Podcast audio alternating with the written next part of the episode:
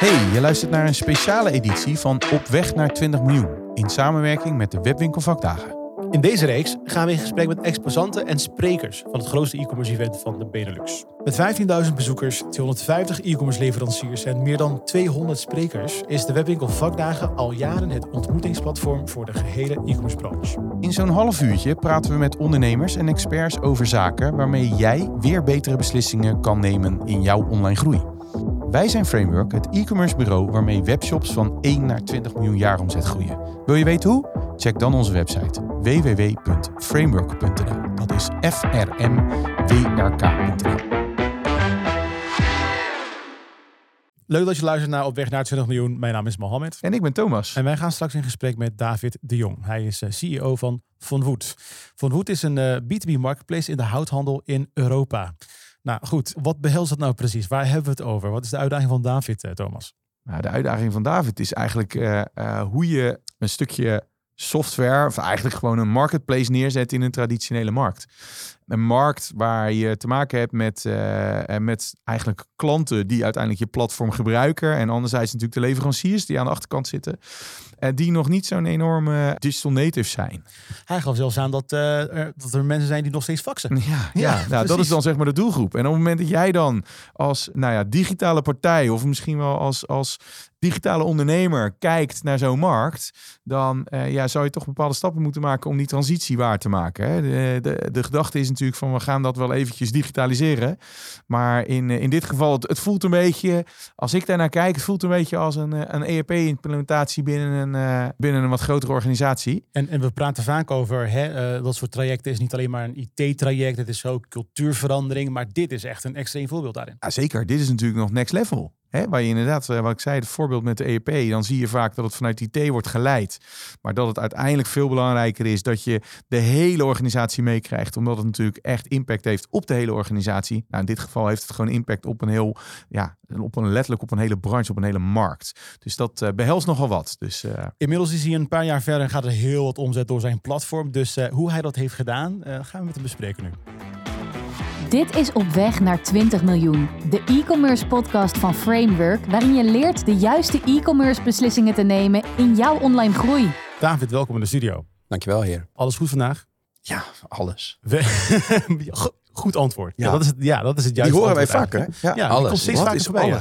Precies. Nou, ik hoefde de hond niet uit te laten vanochtend, dus dat staat al mee. Dat scheelt. eh, Vandaag Webwinkel Vakdagen. Je hebt twee presentaties, ook de podcast. Eh, je hebt een mooi verhaal te vertellen. Het onderwerp, ik heb hem zo genoteerd voor mezelf. Bouwen van een B2B marketplace in een traditionele markt. Ja. Kun jij jezelf eens introduceren?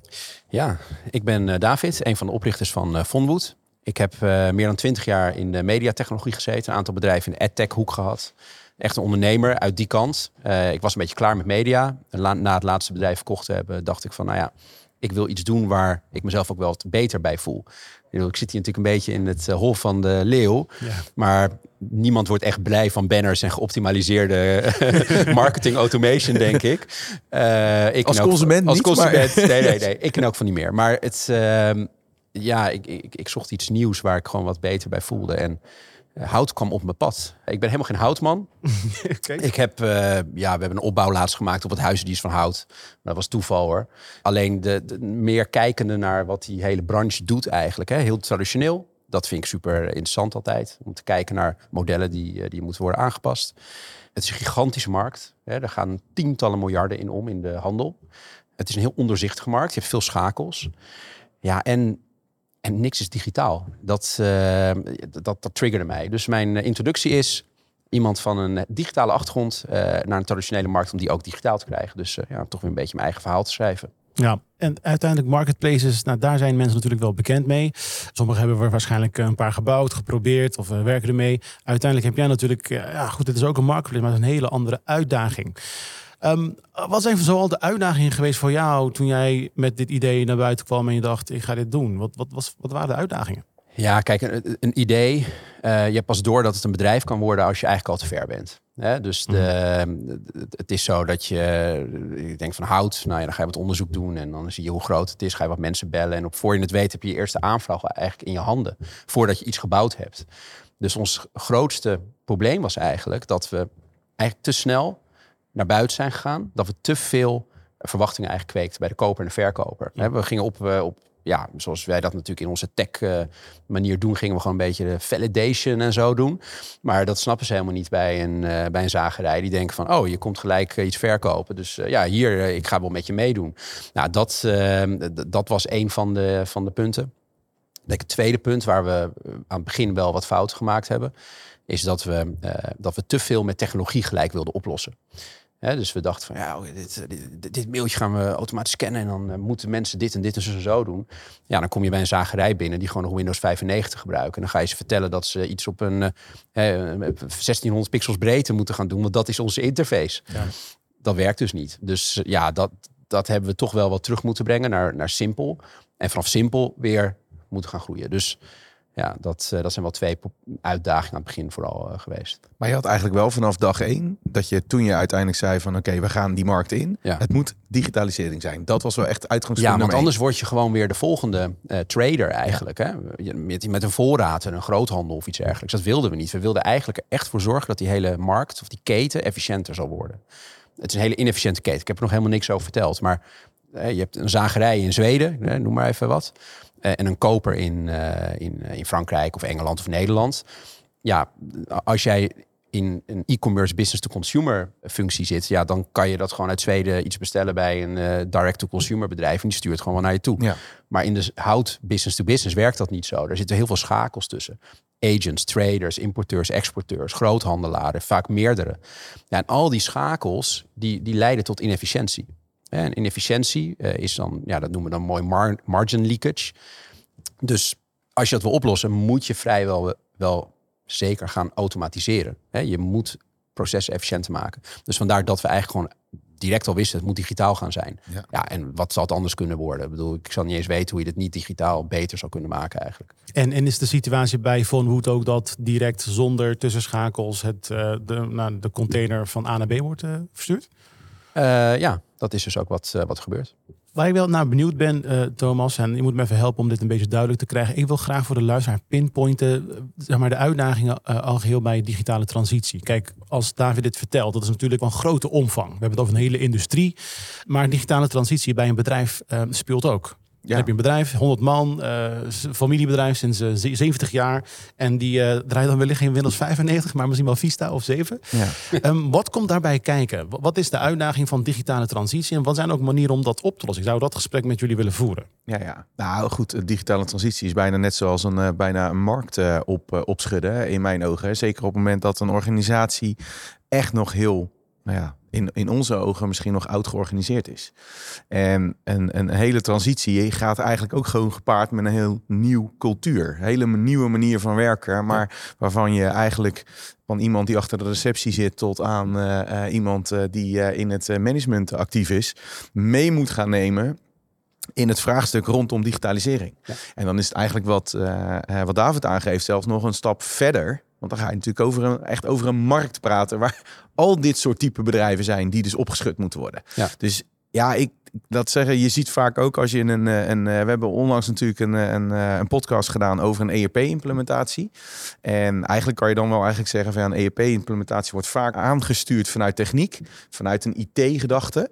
Maar het is eigenlijk gewoon een hele culturele uh, ja, proces wat je door moet, waar je dus een hele cultuur van de organisatie wijzigt. Klopt. En daarom zit er dus ook zoveel weerstand en er zit er ook zoveel haken en ogen aan. Dus de introductie van de technologie is niet voldoende. Nee, en zeker Nee. niet. Nee, nee, nee. Wat zijn Nou, jouw dat is- ik denk dat David dat net al aangaf. Ja. Hè? Dat je zegt van, ondanks dat wij vanuit technologie denken en denken van, oké, die stappen kunnen we heel makkelijk maken, heb je gewoon te maken met iemand aan de andere kant die zegt van, maar waarom zou ik dit doen? Ja. Het werkt toch zoals het werkt? Ja, kijk, we- bedoel, als we wat commercieel eh, telefoontjes bijvoorbeeld doen met gewoon cold calling naar klanten, dan, dan hoor je wel eens van, ja, ik doe al sinds 1984 zaken met, eh, eh, met de lokale groothandel en dat werkt gewoon goed. Ja. Waarom zou ik veranderen? Juist. Eh, ja, maar bedoel, als je al 40 jaar inderdaad op die manier werkt, eh, dan kan je misschien wel eens kijken naar of er andere methodes zijn. Alleen mensen met die mindset moet je natuurlijk wel opleiden. Dus een heel groot gedeelte in onze marketing eigenlijk, hè, bij, bij Vonwood, is, is education. Hè, dat het kan. Je kan online iets doen. Ja. En dan op een gegeven moment, als je dat vaak genoeg vertelt, dan komen ze hopelijk natuurlijk wel. Hè, dat, dat, dat, dat, dat digitale, dat is, ik bedoel, als je nu naar binnen schuift van je moet met ons zo werken en het, dit is het of hè, our way or the highway. Ja. Ja, dat, dat eh, dan raak je nergens eigenlijk. Hè. Dat, eh, Wat ik, wat ik interessant, want jij triggert net van oké, wij moeten ze daar helemaal in meenemen. En jij kwam in je voorbespreking met eigenlijk een hele mooie quote van ons, maar vanuit een eh, consultant. Ja, hè? ja, ja, I ja. do, we do, you do. heerlijk. Ja. Zeg maar. En, en Ja. misschien kan je die heel even kort toelichten. Want ik denk dat die heel mooi past in, eh, in hetgeen wat je nu aangeeft. Ja, nou ja, hè, als je kijkt, denk nogmaals naar een, een, normale business-to-consumer eh, omgeving, e-commerce, dan, dan, dan verwacht je gewoon dat jouw klant wel zijn weg of haar weg vindt op jouw platform. Iets in een winkelwagentje doet en het dan afrekent en dan even wachten en dan is het er. Dat zijn vrij goed geprogrammeerde eh, routes of eh, paadjes eigenlijk. Business to business is dat helemaal niet zo. Je moet natuurlijk heel veel aanpassen in iemands werkwijze. Nou, wat wij dan een beetje met een consultancy pet eh, zo noemen, is I do, we do, you do. Nou, ik, ik, kan, ik kan er nog steeds nachtmerries over krijgen over dit soort, dit soort dingen. Maar het legt wel leuk uit en het, wer, het is ook eigenlijk de waarheid. Wat, wat het eigenlijk betekent, is wij hebben drie fases waar we een klant eh, en ook een zagerij mee, eh, mee doorheen nemen om ze eigenlijk volledig los te laten onboorden. Vergelijk het even met je kind, zijwieltjes en op een gegeven moment laat je los. Wat is iDo? iDo is eigenlijk, we hebben een klant, we zeggen ze, we zijn een online platform, maar hoef je nu helemaal niks mee te doen. Stuur mij maar gewoon je aanvraag per e-mail, fax, telefoon, whatever door. Wij doen het voor je en we vertellen je wel wat het gaat kosten en wanneer het geleverd wordt. Dan, dan, ze werken wel met ons platform, maar ze hebben eigenlijk helemaal geen idee. Geen idee. Dan is de volgende fase is we do. En dan zeggen we van, oh, dat werkte één of twee keer best wel leuk hè, samen. Nu stuur je nog een keer dat op per e-mail, maar ik zet het even voor je klaar. Je gaat het zelf even checken. Ik help je met het, het groene knopje in te drukken. En, en dan doe je het een beetje samen, hand in hand. Hè. Dat zijn die zijwieltjes eigenlijk nog. En dan heb je op een gegeven moment heb je you do. Dan zeggen we tegen de klant van zoek het lekker maar zelf uit. Maar dat zeggen we natuurlijk heel vriendelijk. Maar eh, en nu snap je het heel goed. Je hebt het al erg goed gedaan. Schouderklopje. Ja. Nu kan je het zelf doen. Mocht je een probleem hebben, kom je bij ons terug. Nou, dat werkt heel goed. En wij zagen bijvoorbeeld met zagerijen. Dat zijn dus echt die Windows 95 en Vista eh, mensen. Maar die, ja, die kan je niet zeggen op dag één... ga maar elke ochtend even inloggen en een, een bieding maken. Dat zijn ze niet gewend. Want normaal bellen ze en faxen ze en, en e-mailen ze alles en nog wat de hele tijd door. Dat zijn ze gewend. Nu krijgen ze om zes uur 's ochtends en om twaalf uur 's middags een e-mail... met daarin alle orders die op dat moment live zijn. Ja, dat, als ze dat binnenkrijgen en je zegt maar ga maar bieden, gebeurt er niks. Dus dan moesten we heel erg die I do, we do, you do door. Dus eerst bel- bellen we de prijzen door, dan gaan we het samen een beetje doen. En nu zien we dat bijna 100% van de prijzen in het systeem door de zagerijen gewoon zelf gedaan worden. Dus dat werkt. En dat is wel het mooie van zo'n eh, proces. Alhoewel het heel consultancy klinkt misschien. Ja, Niks ja, mis goed, met eh, consultants nou ja, het illustreert uiteindelijk wel zeg maar, hoe je zo'n transitie dus uiteindelijk dan Ja. vormgeeft. Dus ondanks dat het inderdaad consultancy klinkt, denk ik Ja. dat het een heleboel ook parallellen heeft, voor, ook voor de luisteraars. Op het moment dat jij praat met bepaalde eh, stakeholders die je echt nog even in dat proces mee moet nemen, is dit een hele eh, eh, interessante manier van doen. Ik, Ja. ik begrijp leuk het idee dat jij, weet je wel, I do, we do, you do met iemand bijvoorbeeld dat, dat, dat traject volgt. Eh, hoe richt je uiteindelijk je bedrijf in om dit te kunnen doen? Heb je dan een team Ja. die zeg maar Ja, dit ja? Absoluut. Ja. ja, we hebben, het heet niet het I do, we do, you do team of zo. maar we, Jij zit in het I-do-team, jongens. Ik denk dat we daar heel veel churn in zouden hebben in dat team dan. Maar ehm, nee, we hebben natuurlijk eh, even aan de commerciële kant, we hebben eh, marketing en sales. Nou, die, die sales, die weten dat hun taak dus ook weer onderverdeeld in BDR's en sales en business development en zo. Maar die weten dat een deel van hun taak is inderdaad de klant aan het begin gewoon aan het handje mee te nemen. Ja. Dus een, Ja. een deel van de tijd die ze doorbrengen is nieuwe klanten te ontzorgen, noem het even. Maar wel wetende dat dat uiteindelijk wegvalt. Nou, daarna hebben we eh, ja, hoe heet het? eh, eh, CS, Customer Support. Dus hebben we intern eigenlijk de, de support die vanaf het we do en het you do Ja. het, het helemaal overpakt. Ja. Ja. en dan heb je natuurlijk de technologie die continu met ons productteam ervoor zorgt dat, dat ja, natuurlijk het ook echt blijft werken. Ja, je moet wel feedback van je klanten blijven ontvangen en dat blijven implementeren in eh, nieuwe sprints enzovoort. Dus dat hebben we natuurlijk ook in het hele proces eh, ingebakken. Het klinkt natuurlijk nu heel mooi hè? en eh, het gaat Ja. natuurlijk vrijwel altijd niet helemaal zoals ik het nu uitleg, maar Nee. Ja, Ja. En, en uiteindelijk het aan, ja, dan heb je je marketplace en op deze manier, je geeft het eigenlijk al een beetje aan hoe je mensen uiteindelijk op je platform krijgt. Maar als ik die vraag gewoon nog een keer stel, het aantrekken van de koper en de verkoper, Mhm. hoe vlieg je dat aan? Ja, mooi in deze markt.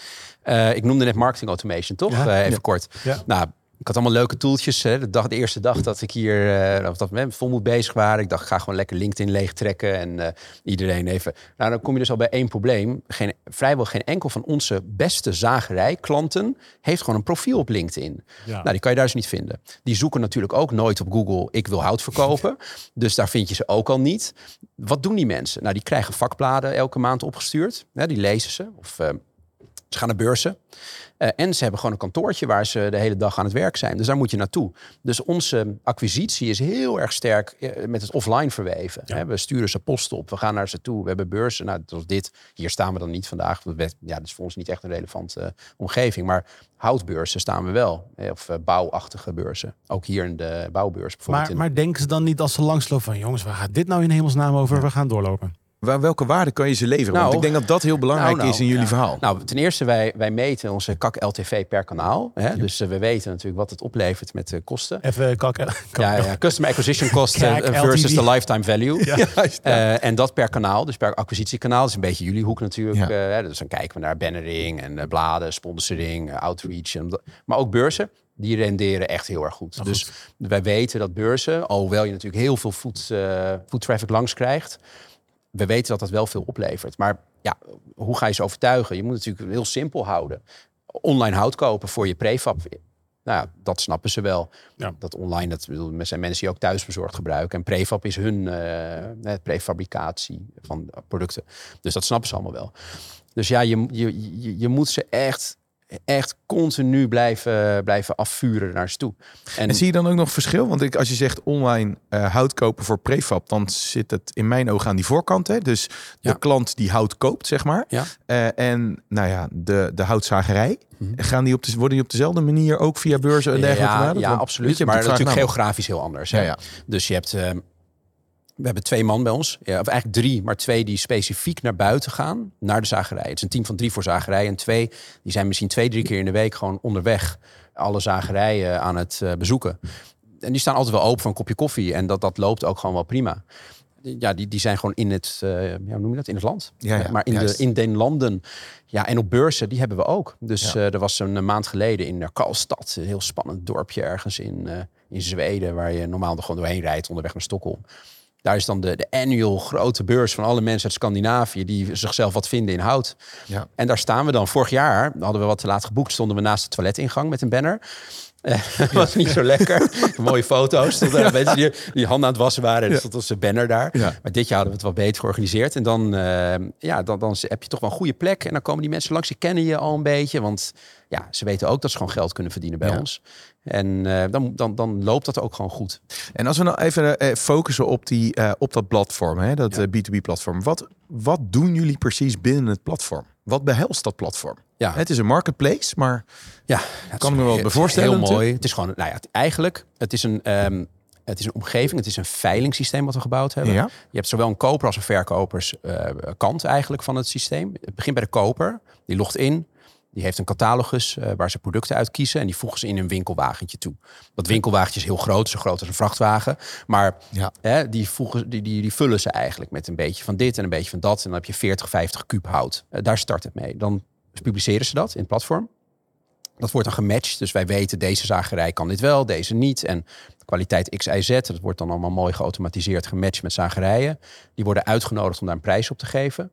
En op het moment dat dat gebeurd is, kan de koper zeggen van nou, ik wil zaken doen met deze of deze zagerij. He, afhankelijk van tijd, kwaliteit, ja. uh, misschien wat andere specificaties. Maar dat betekent dus ook dat zeg maar in één order er meerdere leveranciers uiteindelijk op zo'n order kunnen inschrijven. Ja, ja, ja absoluut. En dat gebeurt. Nee, we hebben, dat, dat is gemiddeld wel denk, boven de vier nu ja, per order.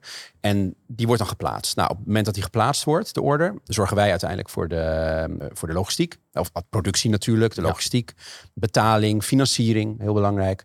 Nazorg, hè, als er wat mis is. Of uh, we sturen anders gewoon stroopwafels of uh, Tony Chocolonelli na.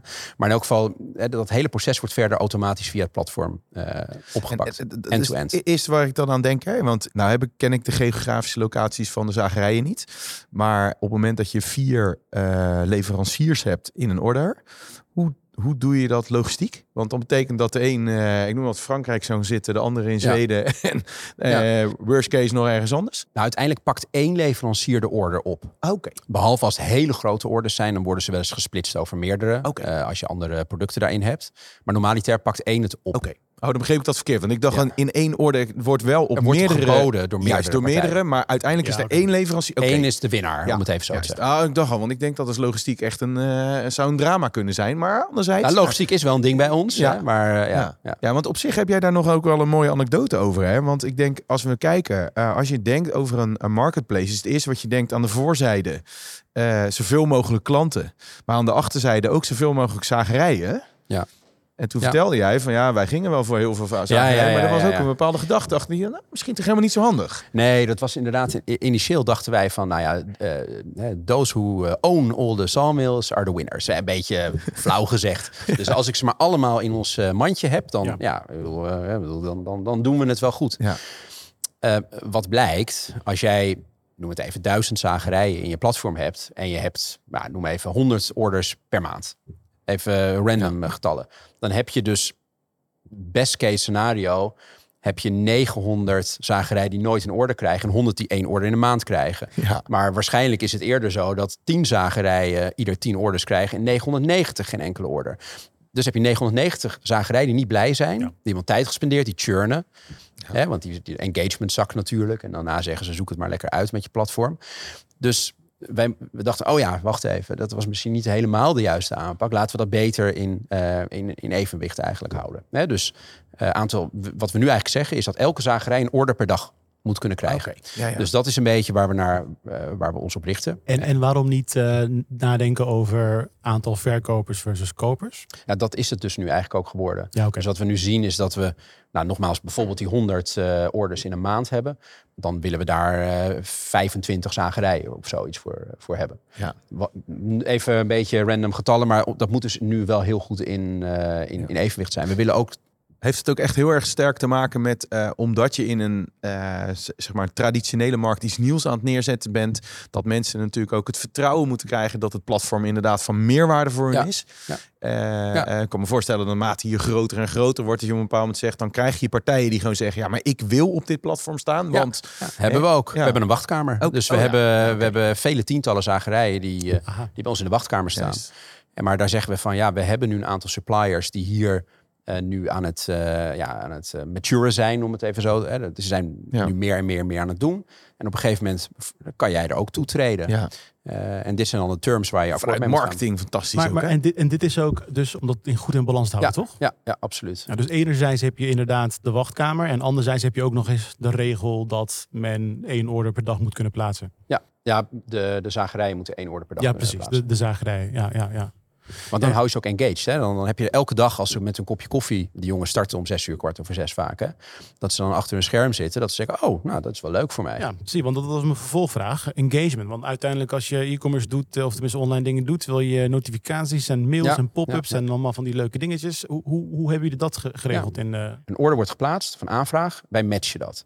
Wij weten met een vrij hoge zekerheid dat vrijwel alle gematchte zagerijen een, bieding gaan plaatsen. Dat kan richting de 80, 90 procent zijn. Dus dat, dat, is een, dat is een heel goed matching systeem. Er is maar een heel klein gedeelte die dat dus niet doet direct. Nou, die kunnen we daarna engagen met nog een mailtje even achteraan. En als dat niet werkt, dan bellen we ze gewoon even na. Als we weten dat het goed met hun gematcht zou kunnen zijn.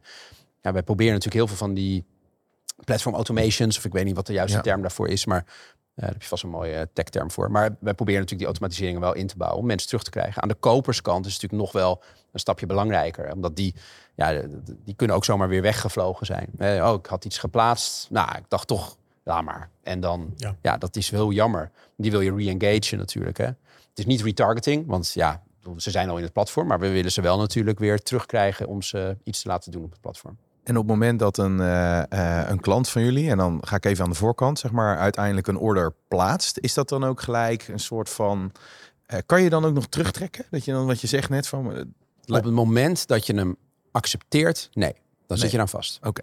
Ja, als, je hem, als, als een zagerij uiteindelijk daar een bieding op heeft gedaan en je accepteert hem. Dan zit je vast. ja, Daarvoor zit je nergens aan vast. Nee, nee. Dus je kan eigenlijk gewoon een beetje gaan shoppen, zeg maar. Ja. En dan zeggen van, nou, dit en dit wat ik wil. Ja. Ik wil eigenlijk de biedingen zien. En, Maar eh, die wat- vallen ook door de mand. Want als wij klanten hebben die dat twee, drie keer doen, dan kicken we ze van het platform af. Nou ja, dat ik ook Want het- we willen geen price discovery platform zijn. Waar je alleen maar komt om even de prijs te bekijken. Nee, ja, nou, daarom. En, en ik kan me zeker ook, zeker in een, in een fase waar je praat van, we moeten de, die markt eigenlijk helemaal ontwikkelen, wil je dat natuurlijk ook zoveel mogelijk voorkomen. Want anders dan, ja, die partijen hebben het al, eh eh, nou, tussen aanhalingstekens, vinden het al lastig dat je gaat digitaliseren. En als ze dan tijd en energie erin stoppen en dan zeggen van, nou, ja, weet je, elke keer als ik dan geboden heb en er komt niks uit, ja, dat hoef je maar drie keer te doen. En dan zeggen Ja. ze, nou, laat maar lekker zitten. Ja, klopt. Ja. Ik, eh, ik wil richting een afronding gaan. En eh, wil ook een vraag stellen die ik wellicht aan het begin het beter had kunnen stellen. Maar zou jij ons ook kunnen meenemen in eh, wanneer zijn jullie nou gestart? En inmiddels, wat is de groei geweest? Wat is de omvang nu? Ja, we zijn gestart in begin 22. Ja. Dat is alweer bijna twee jaar geleden. Daarvoor was er een aanlooptijd van ideeën en eh, oh grappig en eh, hmm, misschien kunnen we daar wat mee. Maar in begin 22 in maart of iets dergelijks dachten we van nou, oké, nu gaan we op een kantoor zitten en gaan we hier echt even wat mee doen. Toen in mei hadden we, hebben het bedrijf opgericht als eerste medewerker. We zijn nu met z'n zestienen eh, en nog wat een flexibele schilder omheen met, met wat eh, ingehuurd werk. We opereren in eigenlijk heel Europa. Dus het is niet dat we in Europa mensen hebben, maar we hebben zowel kopers als verkopers in, eh, in en door heel Europa. Dus ja, dat, dat loopt echt heel erg goed. We hebben eind 22 hebben we een financieringsronde ook opgehaald met een aantal hele interessante eh, Nederlandse investeerders. En dat eh, heeft ons ook heel erg geholpen om afgelopen jaar eh, echt eh, de groei te versnellen. En even een flauwe vraag. Eh, zijn jullie al op weg naar 20 miljoen? Omzet? Nou ja, kijk, je bent altijd op weg naar 20 miljoen.